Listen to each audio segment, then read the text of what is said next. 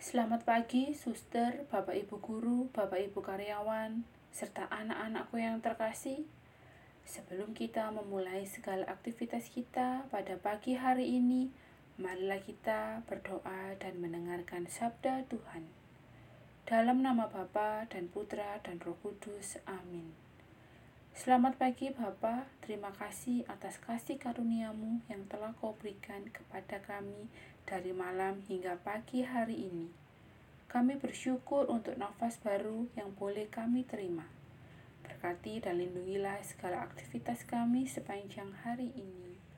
Inilah Injil Yesus Kristus menurut Santo Yohanes. Dimuliakanlah Tuhan. Sesudah itu, Yesus berangkat ke seberang danau Galilea, yaitu danau Tiberias. Orang banyak berbondong-bondong mengikuti dia, karena mereka melihat mujizat-mujizat penyembuhan yang diadakannya terhadap orang-orang sakit. Yesus naik ke atas gunung dan duduk di situ dengan murid-muridnya. Ketika itu Paskah, hari raya orang Yahudi, sudah dekat.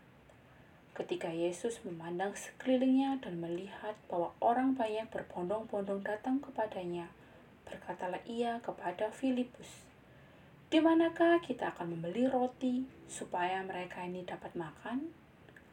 Hal itu dikatakannya untuk mencobai dia, sebab ia sendiri tahu apa yang hendak dilakukannya. Jawab Filipus kepadanya, Roti seharga 200 dinar tidak akan cukup untuk mereka ini, sekalipun masing-masing mendapat sepotong kecil saja. Seorang dari murid-muridnya, yaitu Andreas, saudara Simon Petrus, berkata kepadanya, "Di sini ada seorang anak yang mempunyai lima roti jelai dan dua ikan. Tetapi, apakah artinya itu untuk orang sebanyak ini?" Kata Yesus, "Suruhlah orang-orang itu duduk. Adapun di tempat itu banyak rumput." Maka duduklah orang-orang itu, kira-kira lima ribu laki-laki banyaknya. Lalu Yesus mengambil roti itu, mengucap syukur dan membagi-bagikannya kepada mereka yang duduk di situ. Demikian juga dibuatnya dengan ikan-ikan itu sebanyak yang mereka kehendaki. Dan setelah mereka kenyang, ia berkata kepada murid-muridnya, Kumpulkanlah potongan-potongan yang lebih, supaya tidak ada yang terbuang. Maka mereka pun mengumpulkannya dan mengisi dua belas bakul penuh dengan potongan-potongan dari kelima roti jelai yang lebih setelah orang makan. Ketika orang-orang itu melihat mujizat yang telah diadakannya, mereka berkata, "Dia ini adalah benar-benar nabi yang akan datang ke dalam dunia." Karena Yesus tahu bahwa mereka hendak datang dan hendak membawa dia dengan paksa untuk menjadikan dia raja ia menyingkir pula ke gunung seorang diri.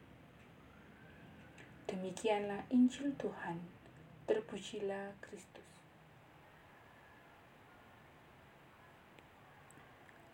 Yesus adalah gembala sejati bagi seluruh umat manusia. Hanya dalam dan bersama Yesus, hidup kita akan selamat.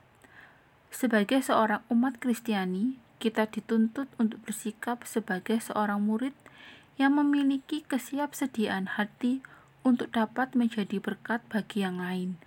Kita dapat bersyukur dan saling berbagi, sehingga tidak ada yang hidup bagi dirinya sendiri, atau yang kaya semakin kaya dan yang miskin semakin miskin. Ya Bapa, ajarilah kami untuk bersyukur dan berbagi dengan tulus ikhlas. Amin.